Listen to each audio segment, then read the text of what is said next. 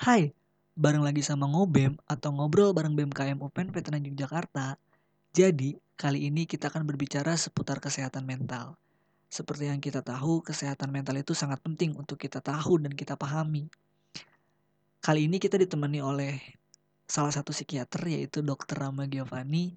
Langsung saja kita ngobrol-ngobrol bareng beliau. Selamat pagi teman-teman dari UPN Yogyakarta. Ya, ya. selamat pagi dok. Pripun, pripun. Sehat-sehat semuanya ya, semoga ya. Amin, amin. Oke, jadi kita sekarang mau bicara tentang kesehatan mental nih ya dok.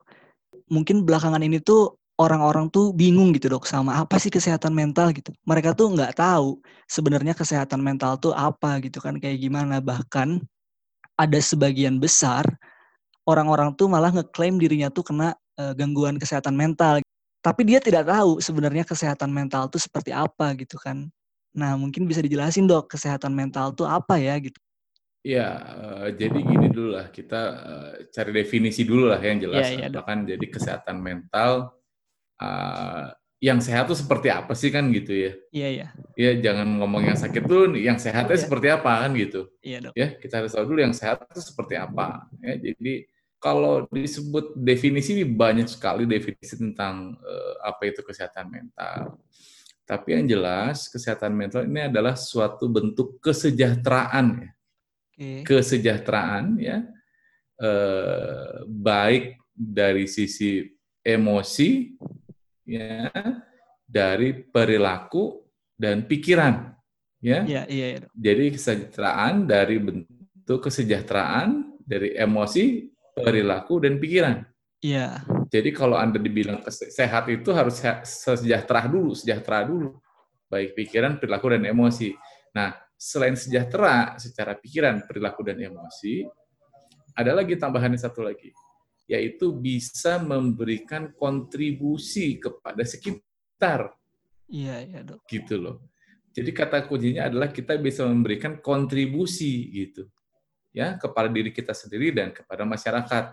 Nah, kalau Anda secara secara uh, pikiran, perilaku dan emosi merasa belum sejahtera dan belum bisa memberikan kontribusi yang layak untuk diri sendiri dan juga kepada masyarakat, berarti Anda belum uh, ada di level kesehatan mental yang ideal gitulah kira-kira. Oke, oke, Dok. Ya, jadi kalau mau tahu apa itu kesehatan mental kira-kira seperti itu. Oke. Ya, itu dari definisi. Nah, berkaitan dengan uh, adanya orang-orang yang masih bingung, ya memang uh, saya pikir itu masih wajar. Walaupun sekarang saya lihat dibanding 10-15 tahun yang lalu, uh, Eh, bidang-bidang atau topik-topik kesehatan mental ini sudah sangat jauh lebih maju ya. Sudah sangat lebih maju, sudah lebih banyak orang yang aware ya. Iya. Walaupun belum belum semua orang aware, tapi kelihatannya sudah sangat aware. Sudah cakap sangat aware kenapa saya bilang begitu? Karena memang eh, peran-peran dari sosial media yang saya lihat sangat eh, masif dan juga masih banyaknya eh, sudah sudah banyaknya platform-platform kesehatan mental yang ada gitu. Ya jadi okay, itu membuat eh, orang-orang sudah lebih paham walaupun masih banyak juga ya belum tahu. Jadi kira-kira kalau mau tahu ya itulah ya gitu. Jadi berkaitan lagi satu lagi dengan banyaknya orang yang masih self diagnose ya begitu yeah. kira-kira ya. Yeah. itu memang karena eh, gimana sih bilangnya kadang-kadang kan orang itu ada yang tetap pengen kelihatan eksis ya. Oh iya ya dok. satu ya, yang kedua memang uh, sesimpel uh, satu memang pengen eksis. Jadi orang kan ada yang kaya pengen eksis, miskin pengen eksis gitu. Iya ya. Nah tapi bisa juga bukan pengen eksis. Misal karena memang they just don't know uh, where to go gitu loh. Iya iya. Mereka nggak tahu mesti pergi ke siapa yeah. sehingga mereka mendiagnosis dirinya sendiri gitu okay, okay, okay. dengan cara apa mencari uh, apa namanya mencari uh, tes-tes yang ada di online begitu walaupun tingkat uh, tingkat apa namanya tuh ya tingkat sahihnya gitu ya yeah. nggak kadang nggak nggak bagus gitu loh yeah, gitu loh kira-kira jadi karena mereka nggak tahu aja saya lihat mesti ke mana gitu kalau mereka tahu ini mesti ke mana nggak akan self diagnose gitu loh. Yeah, yeah. Ya, gitu kira-kira. Oke. Okay. Tadi kan Lanjut kayak lagi, tadi gimana? Oh ya, orang-orang tuh bingung kan harus ke mana gitu dok. Nah, hmm. bak, tapi ada sebagian orang yang dia tuh ingin pergi dok ke profesional, tapi dia malah takut karena stigma masyarakat gitu dok. Karena orang yang datang ke hmm. profesional itu ntar dikatain sebagai orang yang punya gangguan kesehatan mental yang berat gitu dok. Nah itu caranya gimana ya dok? Biar hmm. memotivasi orang-orang kalau ada apa-apa tuh ya nggak apa-apa gitu, cerita aja, datang aja gitu kan, nggak usah takut ya, sama stigma masyarakat. Jadi jadi gini ya, uh, jangankan penyakit uh, gangguan mental ya gitu, ya. gangguan fisik aja masih banyak yang takut loh. Iya iya. Misal periksa lab deh, aduh takut deh kalau periksa lab nanti ketahuan ininya tinggi, wah kalau nanti tahu nah jadi artinya jangankan ke sana penyakit yang sudah common aja macam kolesterol aja masih banyak yang nggak mau loh. Iya ya. Coba tanya, iya masih banyak yang takut gitu loh. Ya, kenapa? Memang ya karena manusia nggak aware gitu. Mereka mereka mikir takutnya terus gitu. Iya, nah, iya. berkaitan iya. dengan yang ada dengan kesehatan mental, ya jadi kembali lagi ya memang stigma itu akan selalu ada gitu loh. Iya, ya. iya dok namanya netizen ya nyinyir-nyinyir akan selalu ada gitu loh. Iya, ya, iya. Lambe turah akan selalu ada gitu loh, ya. Iya, betul, yang jelas betul. begini, yang jelas begini. Uh, balik lagi, uh, kenapa pentingnya ada platform-platform atau podcast seperti ini ya? Salah satunya untuk membuat uh, masyarakat atau individu itu berani pergi ke profesional gitu loh. Yeah. Ya kenapa mereka nggak berani tadi stigma tuh kenapa sih gitu? Ya kenapa? Karena uh, ya balik lagi uh, kekurangan pengetahuan tentang uh, apa itu kesehatan mental. Kenapa yeah. mereka masih takut? Karena mereka masih belum dapat informasi. Nah, caranya gimana? Ya sudah, menurut saya banyak-banyakin aja acara seperti ini gitu loh. Yeah, iya, Semasif yeah. mungkin, ya sebanyak mungkin. Kenapa? Karena ya kalau nggak diberikan uh, informasi sebanyak mungkin, mereka nggak akan paham gitu loh. Iya, iya, ya, betul. masalah mereka kok jadi takut atau enggak, ya itu kan kembali ke pilihan. Ya, gitu. Tentu saja ini bisa dibicarakan sebenarnya kok gitu. Okay. Tapi buat teman-teman yang memang memiliki masalah ya, lebih baik eh, apa namanya? lebih lebih baik tahu lebih cepat kan gitu. Iya, iya betul. Kalau tahu lebih lama nanti penyakitnya tambah parah. Jadi gini, banyak yang masih menganggap masalah kesehatan mental itu kan weakness ya. Iya, iya. Bukan disease gitu loh Padahal kesehatan mental itu adalah sebuah disease gitu loh, penyakit, bukan weakness. Iya iya betul. Bukan kelemahan gitu loh. Jadi orang masih pada takut tuh karena merasa kalau mereka datang mereka lemah, bukan lemah. Enggak ada bedanya sama kamu lagi sesak nafas karena asma datang ke dokter paru gitu loh. Ya, jadi penyakit kesehatan mental ini sebuah sebuah penyakit yang sangat ilmiah, ada gangguannya di otak gitu. Ya, ini brain disease gitu. Bukan berarti Anda ya tadi masih banyak yang menstigma itu kalau misalnya Anda punya gangguan-gangguan uh, emosi perilaku itu dihubungkan dengan masalah-masalah spiritual sama religi kan? Iya ya dok. Ya. Nah itu yang yang harus di, uh, di, dikesampingkan dulu. Bukan berarti masalah-masalah spiritual dan religi ini nggak penting ya. Uh, tapi artinya ada tempatnya gitu. Misalnya gini, uh, kenapa kalau kalau anda asma sesak nafas nggak pernah disuruh tawakal gitu sama Tuhan? Iya iya. Ya. Tapi kalau punya masalah kesehatan mental, oh mungkin kurang zikir, kamu kurang berdoa, kamu kurang ibadah. Selalu begitu, selalu begitu banyaknya. Iya iya dok. Selalu begitu coba ya, iya. Tapi kalau anda kena demam berdarah nggak digituin kan? Oke iya dok, iya iya betul. Iya, kenapa? Karena orang belum paham mental health tuh real loh gitu. Jadi kebanyakan orang yang ngomong begitu tuh belum pernah mengalami apa yang dialami oleh penderita-penderita gitu loh. Yang jadi masalah itu yang jadi masalah dan mereka belum memahami atau belum pernah merasakan gitu loh. Kalau sudah merasakan nggak akan ngomong bicara begitu. Amit-amit lah ya harus kena dulu kan gitu ya. Tapi iya, nggak nggak ada hubungan sama sekali ya. Jadi memang ada peran tapi nggak nggak eh, apa istilahnya ya nggak nggak semuanya harus berhubungan dengan spiritual dan religi. Ya, jadi stigma karena tadi dianggap banyaknya banyak rasa itu lemah atau memang tadi penyakit-penyakit yang kalau kita misalnya ke village ya ke desa-desa ke kampung itu mostly hubungannya sama mistis nanti ya mereka karena mereka nggak tahu yang gangguan jiwa berat tuh model skizofrenia itu kan orang lebih eh, oh, iya, iya. biasanya banyaknya di village ya penyakitnya. Iya. Ya, yang mohon maaf ya yang suka telanjang di jalan ya gitu itu kan biasanya skizofrenia. Nah itu sebenarnya sangat sangat bisa diobati. Hanya orang tadi pemahaman juga masih kurang gitu. Okay. Dianggapnya ini uh, ada apa namanya ada jin, ada segala macam lah ya. Ada setan yeah. masuk, ah macam-macam.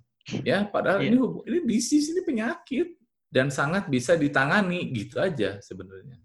Okay. Ya, jadi dengan dengan konseling, dengan pengobatan ya ter, tergantung ininya lah, tergantung derajat uh, berat ringan sedang dari penyakitnya gitu kira-kira. Oke. Okay. Oke, makasih dok. Jadi buat teman-teman jangan takut buat cerita ke profesional karena ini tuh untuk kepentingan kita juga buat kebaikan tubuh dan diri kita juga gitu ya dok ya.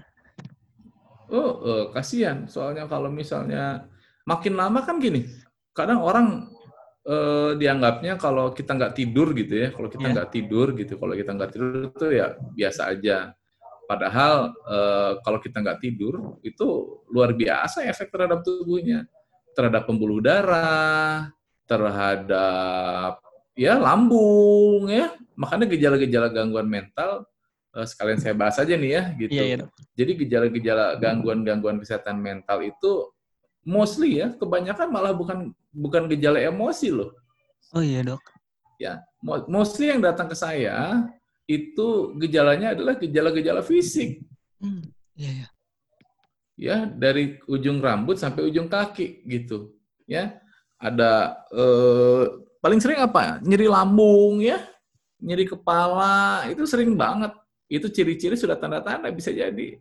Yang terus-terusan, sudah pakai obat nggak sembuh-sembuh, bolak-balik, bolak-balik itu kan sering ada. Jadi lebih dari 70% gangguan-gangguan jiwa itu, gangguan kesehatan mental itu gejalanya gejala fisik, bukan gejala emosi. Nggak ada yang datang ke saya dengan keluhan, dok saya sedih, nggak ada. Oh iya, iya. Nggak ada. Pasti Jadi, apa? Aku nyeri kepala. Hmm aku nyeri lambung, oh, iya, iya. aku berdebar, nah itu, ya itu menarik. Dan uh, ada satu gejala yang 80% ya, 80% datang ke saya itu ada gejala ini ya, yaitu keluhan insomnia atau sulit tidur.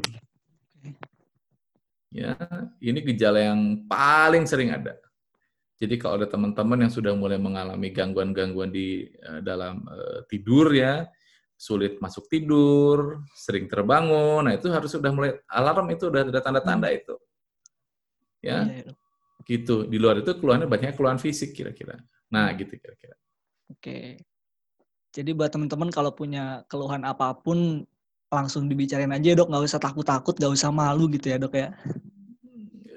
Ya malu pasti ada, cuma ya. artinya uh, kita harus lihat uh, sumbu panjang ya, jangan ngelihat kependeknya aja gitu saya paham kok. Jadi mungkin aduh uh, kalau misalnya ada alasan ke saya aduh tapi aku biaya mahal segala macam kan kita ada BPJS. Hmm, iya ya dok.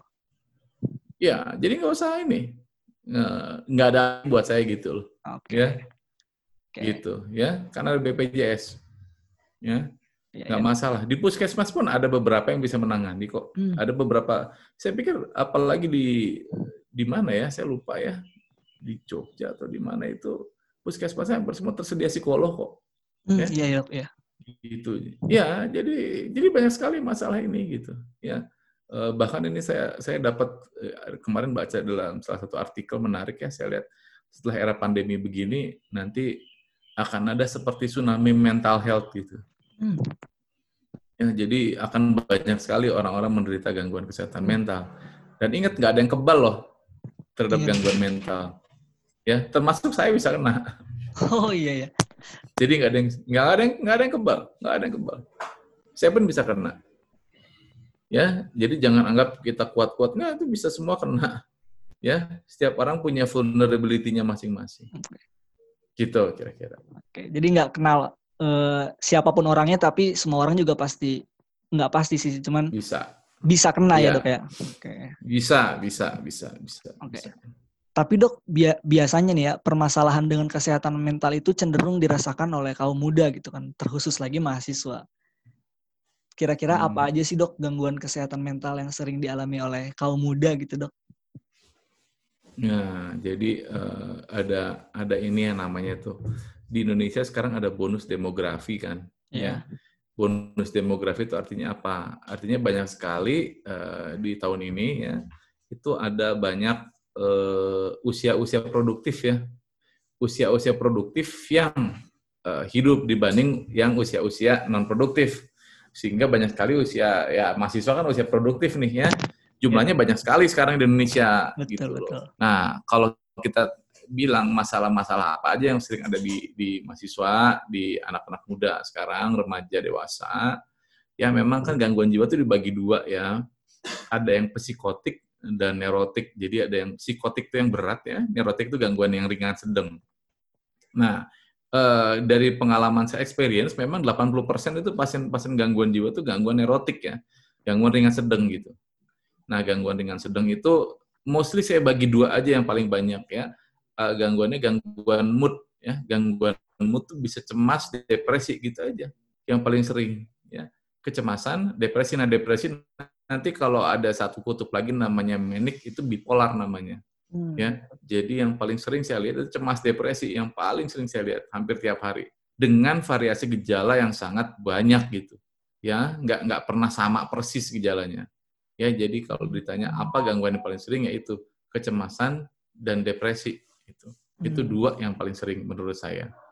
Dengan tadi ya, variasi uh, dan ini juga ya saya banyak menemukan bagaimana fenomena self cutting ya atau yeah. self harm ya. Itu yeah. luar biasa sekarang banyak sekali gitu. Ya, jadi Anda jangan main-main kalau sudah merasakan ingin ingin self cutting, menyakiti diri, menyakiti diri nggak harus motong-motong pakai cutter di tangan ya Iya, bisa jeduk-jedukin kepala, mukul-mukul kepala sendiri, ya. Betul. Uh, bahkan saya pernah dapat kasus waktu itu, jadi uh, dia dia pakai palu, mukul palu ke kakinya sendiri. Iya, dok. Self harm banyak sekali uh, variasinya. Jadi teman-teman yang sudah merasa punya gejala-gejala uh, yang tidak nyaman dalam emosi seperti itu, ya ada baiknya cepat berkonsultasi gitu. Ya karena butuh pertolongan. Hmm, okay. bahaya. Apalagi nanti dengan uh, gejala yang sudah paling berat yaitu keinginan atau timbulnya uh, ke keinginan untuk bunuh diri ya. Hmm. itu yang sudah berbahaya. Karena bisa menghilangkan nyawa ya teman-teman juga masih paham. Banyak sekali tanda-tanda untuk bunuh diri itu banyak sekali gitu loh. Ya banyak sekali. Ya sudah ngurung diri ya merasa hidupnya tidak berguna lagi misalnya. Atau ini yang paling sering uh, teman-teman ya yang yang di sosmednya. Di sosmed kelihatan biasanya mereka masih kasih ini ngasih apa namanya ya ngasih semacam kode gitu. Yeah. Ya misalnya ngasih uh, apa tuh gambar kuburan lah oh, ya iya, iya, iya, ngasih ngasih quotes quotes tentang kematian lah ya. Nah itu tuh udah ada bahaya sekali. Anda harus cepat bergerak gitu menolong teman-teman anda. Dengan kapasitas anda tentunya gitulah ya. Ya, least kasih tahu orang tuanya mungkin. Ya, atau kasih tahu bapak ibu kosnya, karena kan nggak mau terjadi apa-apa kan ya. Iya, gitu. Artinya bahaya sekali tanda-tanda gangguan jiwa ini sering di masking gitu, sering kayak topeng. Hmm, iya, iya. Ya, di luar kayak nggak apa-apa, tapi di dalamnya luar biasa, makanya harus pintar sekali mengenali gejala-gejala. Ya, pada kasus-kasus selebritis terkenal model Chester Bennington atau Robin Williams itu kan sama sekali nggak ini. Nggak melihat nggak kelihatan gitu. gitu. Ya. Iya. An hour before itu kadang-kadang terlihat mereka masih tertawa, masih segala macam. Hmm, iya, iya. Tapi sebelumnya sudah ada tanda juga. Nah, makanya kita harus pintar-pintar mendeteksi dini gejala-gejala gangguan emosi itu yang jadi masalah. Kita belum ada apa ya uh, uh, platform khusus kali ya gitu. Ada PDSKJI sebenarnya ya dari dari kolegium dari dari pusat ada sebenarnya. Tapi mungkin belum tersebar. Jadi Eh, tolong adakan acara seperti ini sebanyak mungkin, memviralkan sebanyak mungkin. Karena kalau kalau sudah banyak viral, orang akan lebih paham gitu loh, dan lebih mudah mencari pertolongan. Gitu kira-kira. Oke, jadi kira-kira orang harus ke harus pergi ke profesional tuh ya kalau mereka sudah merasakan gejala sedini mungkin gitu dok seperti kayak kurang tidur kalau udah ya, merasa jadi nyerah gitu ya dok ya? betul iya artinya apalagi kalau sudah ganggu dalam activity daily living. Yeah. Dalam sehari-hari, misal gini yang yang simpel bisa kamu lihat apa? misal orang yang tadinya banyak bicara jadi nggak mau bicara gitu. Atau yang tadinya nggak mau bicara jadi banyak bicara. Simpel kan, tapi terlihat. Iya, ya, iya. kok kamu diem aja biasanya nggak biasanya rame nih. Ah nggak apa-apa. Nah itu udah ada masalah itu. Oke oke dok ya. Ya, gitu udah masalah. Kapan harus pergi ketika sudah terganggu dalam aktivitas sehari-hari? Ya, gitu. Uh, kuliah jadi nggak kuliah gitu kan? Iya, dok. Hmm, apalagi buat anak-anak kan biasanya mau sekolah jadi nggak mau sekolah, ah, itu tuh tanda-tanda hmm, emergensi itu.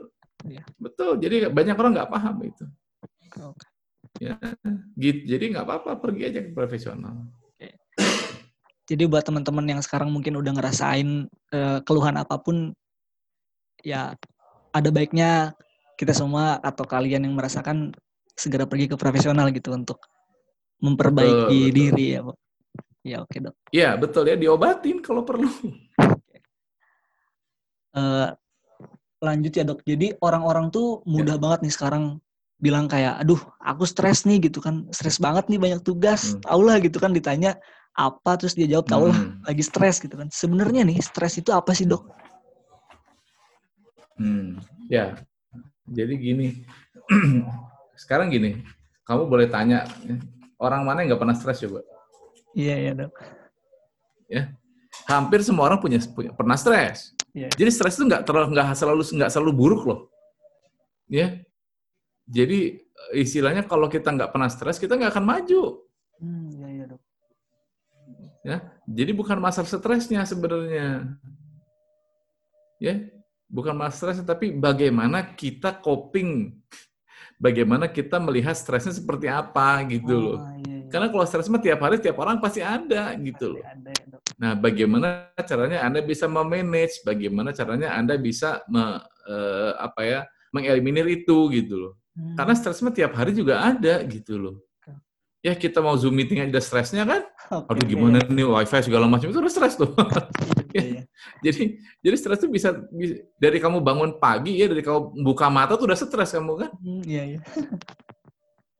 iya aduh kuliah atau tidur lagi nih atau ke kamar mandi ya aduh udah stres kan iya, iya. udah milih-milih kan oh, aduh betul, ya betul. gitu Taunya eh ternyata hari Sabtu libur gue aduh enak tidur lagi gitu kan iya ya betul ya jadi stres itu bisa dimulai dari kamu buka mata pagi-pagi nah tinggal kamu mau gimana ngelihatnya gitu loh. Kalau misalnya karena beban kuliah ya ya apa namanya tuh ya namanya kuliah mau gimana lagi gitu. Ya kalau nggak sanggup kan bisa punya temen ngebantu ya. Atau dosen pembimbing. Artinya itu akan selalu ada gitu loh. Tergantung hmm. anda mau lihatnya gimana ya, ya gitu. Anda anda nyebrang jalan jadi bisa stres kan gitu jadi wajar orang stres wajar wajar. Cuma bagaimana kita menyikapinya itu yang harus di, di, di, di, dilatih. Karena stres mah tiap hari ada. Hmm, ya, ya dok. Bagaimana cara kita menyikapinya? Dengan cara apa? Merubah persepsi atau merubah sudut pandang salah satunya gitu loh. Misal, misal nih ya, saya kasih contoh konkret. Misal kamu putus cinta nih, hmm, ya, ya. Nah, putus cinta stres kan? Nah, tapi reaksinya bisa bisa dua. Yang satu persepsinya, waduh, dia satu-satunya cintaku ya, waduh, kayaknya repot deh kalau nggak sama dia lagi. Nah, kalau kita punya persepsi, persepsi seperti itu, uh, secara mood, secara perasaan kita nyaman atau nggak nyaman? Coba. Nggak nyaman, nggak nyaman kan? Ya nggak nyaman. Tapi kalau kita rubah persepsi jadi oh ya alhamdulillah puji Tuhan syukur ya ditunjukkan sama Tuhan katanya nggak sama dia coba mungkin kalau nikah nanti lebih repot lagi nah hatinya lebih tenang atau enggak lebih tenang dok itu dok tenang iya jadi yang dirubah putus cintanya atau cara kita menyikapi putus cintanya cara kita menyikapi putus cinta berarti nah dok. itu jadi sekarang selalu ada peristiwa stres mah oke oke dok ya Tinggal kitanya mau nyikapinnya gimana. Hmm. Simpelnya begitu. Oke, jadi stres itu sudah di wajar ya dok ya? Ya stres. Ya wajar. wajar. Orang kalau nggak stres nggak akan maju. Hmm. Iya, banyak orang yang sukses itu harus gagal dulu kan? Oke oke ya dok. Ya harus gagal dulu bahkan. Ya, ini Thomas Alva Edison tahu nggak siapa kamu Thomas Alva Edison? Itu tuh penemu nggak sih dok? Iya, penemu lampu. Iya, penemu lampu kan. Ya. Iya, kamu tahu nggak di berapa kali gagal sebelum nemuin lampu? Saya pernah baca tapi lupa. Hampir sepuluh ribu kali. Oh, iya. Hampir sepuluh ribu kali. Iya. Tapi dia nyikapinnya dengan beda. Coba kalau di tengah-tengah di lima ribu dia udah ngerasa, aduh udah gagal saya. Apa yang dia katakan waktu itu? Oke, begitu saya gagal, berarti saya satu langkah menuju kebenaran. Dia bilang gitu. Jadi tergantung Anda mau gimana. Betul. Gitu kira-kira ya. Jadi stres wajar. Tiap orang pernah stres. Mungkin bisa dikasih tips dok cara nanganin stres itu kayak gimana? Iya, tadi yang nomor satu adalah dengan cara eh, kan gini di Indonesia tuh banyak kan kan kuratif, rehabilitatif, banyak ngobatin kan, ya. rehabilitasi. Nah, untuk mencegah kan gimana gitu ya sekarangnya untuk preventifnya ya banyak sebenarnya tips-tipsnya. Tentu saja kalau yang yang yang standar misalnya berpikir positif lah lakukan hobi lah segala macam. Tapi memang e, artinya banyak sekali cara-cara untuk menghindari lah ya untuk menghindari stres ya gitu. Salah satunya tadi copingnya harus baik ya. Terus kedua ya ini yang yang sering banget saya inilah yang sering banget saya saya e, berikan ke teman-teman. Satu belajar untuk mengenali diri dulu aja. Hmm, ya. gitu loh kenali diri Anda dulu. Kenapa? Kalau Anda kenal dengan diri Anda, Anda akan berbuat sesuai dengan perangkat Anda gitu. Hmm, iya dok. Ya, kamu bayanginnya gini, misalnya kita analogikan dengan mobil ya. Okay. Tahu mobil Mercedes kan? Iya tahu. Saya nyebut merek nggak apa-apa ya mobil iya, Mercedes tuh. Tahu tahu tahu mobil Colt buntung nggak? Tahu dok. Nah, kalau secara visual bagusan mana? Mercedes dok. Mercedes. Tapi yeah. kalau kamu mau mau ngangkut-ngangkut barang untuk pindahan kosan pakai yang mana? Pakai mobil yang box itu, Dok. Iya, itu kalau maksud saya. Artinya artinya jangan lihat luaran, tapi lihat fungsi kamu di mana. Yeah. Coba kenal diri kamu tuh di mana. Kalau misalnya uh, secara analogi mobil, kamu ternyata mobil box ya jangan dipakai balapan. Yeah. pakai untuk pindah kosan dong gitu loh, ngerti yeah, yeah. Yeah. Artinya kenal diri Anda dulu. Nah, banyak sekali banyak sekali ini kok banyak sekali uh, tes-tes atau teori tentang pengenalan diri itu buat saya pengenalan diri itu penting karena kalau kamu sudah kenal diri diri Anda, Anda akan lebih lebih mudah untuk nggak stres gitu. Hmm, ya. ya, misal saya senang dengan cuap-cuap seperti hari ini hari ini nih gitu. Mungkin nggak semua psikiater senang dengan cuap-cuap begini kan? Ya, ya, Mungkin senangnya di penelitian gitu loh ya gitu. Jadi artinya uh, penting untuk mengenali diri gitu. Nah mungkin perlu ada sesi khusus ya untuk kenalin diri nanti. Ya yeah. tapi yang jelas salah satu yang paling penting kenalin diri. Kenapa? Karena kalau sudah kenal diri anda tahu mesti ngapain gitu hmm, yeah. kalau anda masih uh, kamu tahu suka ini nggak? Kalau di instastory ya ada TGIF iya. Yeah. tahu TGIF singkatan apa? Thanks God apa ya dok? It's Friday gitu ya? Ya iya betul. It's Friday ya. ya. Sering lihat yang gitu nggak? Sering-sering dok. Nah kalau sering artinya anda masih stres gitu. Kenapa itu dok? Kenapa ya? Karena karena berarti dia nyari apa? Nyari weekend kan? Nyari Sabtu hmm, Minggu kan? Iya iya. Nah, iya, berarti selama Senin sampai Jumat dia nyaman nggak? Tidak nyaman kalau seperti itu. Ya udah gitu. Orang itu normalnya setiap hari happy happy gitu. Iya betul. Ya stres ada dikit kan tadi. Ya. ya itu kira-kira. Jadi kenal diri anda dulu nomor satu. Ya jangan-jangan salah jurusan lagi kuliah kan gitu. Iya. iya. Udah stres kan itu 87 persen loh datanya. 87 persen mahasiswa itu salah jurusan loh. Hmm.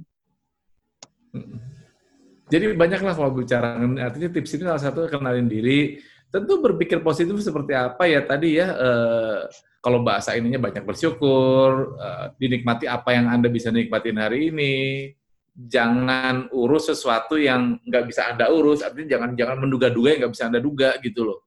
Ya, ya dua minggu lagi udah dipikirin gitu, tenang aja gitu, one by one, step by step gitu. Ya, jadi banyak sekali yang bisa dilakukan.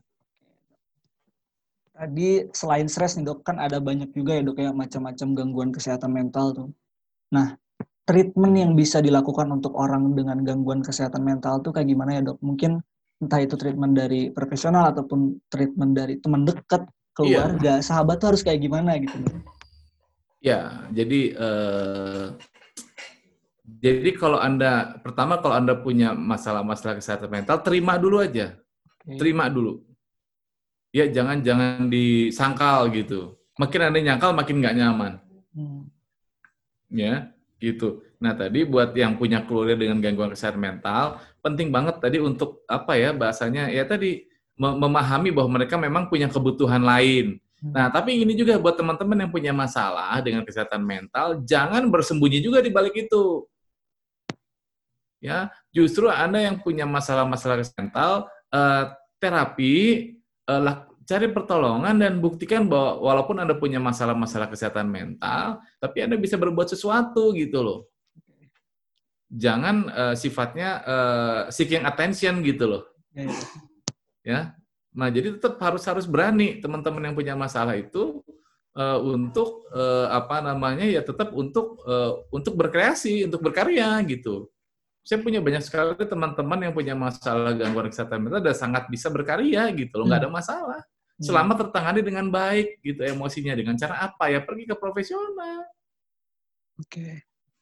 Gitu kira-kira ya. Jadi treatmentnya gimana? Ya tadi ya eh, terima dulu, tetap melakukan kesenangan, hobi ya. Uh, kalau memang masih harus ke psikolog ya pergi ke psikolog kalau kata psikolognya masih ke psikiater ya pergi ke psikiater gitu loh. Okay. Jadi nggak usah nggak usah takut gitu. Okay. Aduh takut diobatin lah, ya nggak semua harus diobatin juga kan gitu. Ya tapi kalau butuh obat nanti akan diobati sesuai dengan dosis gitu loh. Yeah. Ya, nah, itu kita ngomong masalah lain lah itu nanti mungkin. Okay. tapi gitu kira-kira ya. Jadi bantu aja dengan cara apa kita motivasi. Terus kalau perlu pengobatan ya berobat teratur lah gitu ya. Gitu jangan uh, jangan belang betong istilahnya ya jangan setengah-setengah gitu. Karena makin makin anda uh, setengah-setengah makin sulit diobati penyakitnya. Oke. gitu kira-kira. Jadi ini dok tadi kan di treatment bicara tentang treatment tuh ada motivasi juga nih. Terus ada ini ada beberapa teman-teman yang udah cerita juga ke kita dok. Mungkin dari dokter bisa ngasih motivasi sedikit ya dok boleh saya bacain nggak ininya ceritanya? So, uh, lima menit ya? Oke, okay, siap dok. Siap, saya siap. mesti ini lagi nih. Siap, siap so, dok. Hmm, saya mesti jadi, ini lagi nih. Okay. Uh, ya, gimana? Uh, jadi gini, pas masa pandemi awal-awal itu kan UPN sedang menjalankan UTS. Di situ masih fine-fine ya. aja buat ujian take home katanya. Setelah UTS itu perkuliahan. Di perkuliahan ini yang menurutku bikin jenuh, stres, merasa banyak beban tugas yang gak main-main banyaknya. Deadline yang mepet-mepet, ketambah hubungan sama doi yang jadi agak berantakan. Pembelajaran online ada yang via Zoom, ya lumayan lah bisa tatap muka secara tidak langsung sama dosen. Dengerin dosen jelasin, ketambah dosen biasanya pakai PPT, lumayan.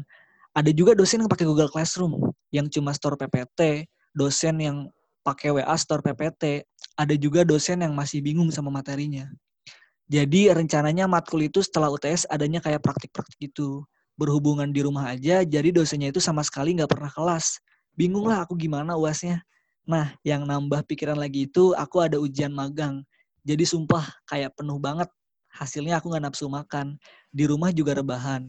Hubungan sama doi selesai. Susah banget buat tidur. Tidur tuh paling jam 4 pagi kalau biasa. Dan pas Ramadan dan pas Ramadan tidur habis subuh Terus yang berat badanku tadinya 49-50 jadi 42. Aku nggak tahu kenapa bisa sampai segini. Berat badan turun, jadi nambah pikiran lagi, tambah gak nafsu buat makan. Mohon pencerahannya katanya buat cara ngurangin stres, cara buat bodo amat, dan okay. cara lupain mantan katanya dok. Uh, ya, tadi kalau cara lupain mantan udah saya bahas ya. Oke. Okay, gitu. nah tapi artinya gini, uh, saya ngelihat kok ada indikasi untuk cari profesional ya itu ya dari gejala-gejala yang sudah disampaikan gitu. Jadi buat Anda yang mengalami uh, hal seperti itu, saran saya gitu ya, saran saya tetap cari profesional. Kenapa? Bisa jadi Anda butuh inilah ya bahasanya kalau kalau di konseling itu ada ada seperti CBT dan segala macam. Nah, itu perlu dibantu dengan itu. Karena kalau cuma dimotivasi doang nggak akan cukup kalau yang begini gitu loh.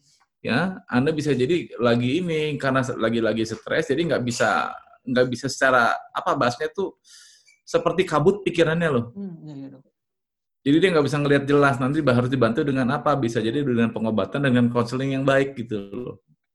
Ya, cara yang paling aktif ya tetap tadi yang paling baik ya Anda lakukan yang Anda bisa lakukan aja gitu loh. Kalau memang nggak sanggup ya jangan dilakukan gitu. Bisa minta bantuan gitu. Ya, gitu. Jadi eh, cari profesional lah, nggak usah nggak usah malu, nggak usah takut gitu loh. Ya itu sudah jadi indikasi Anda sudah mengalami stres gitu.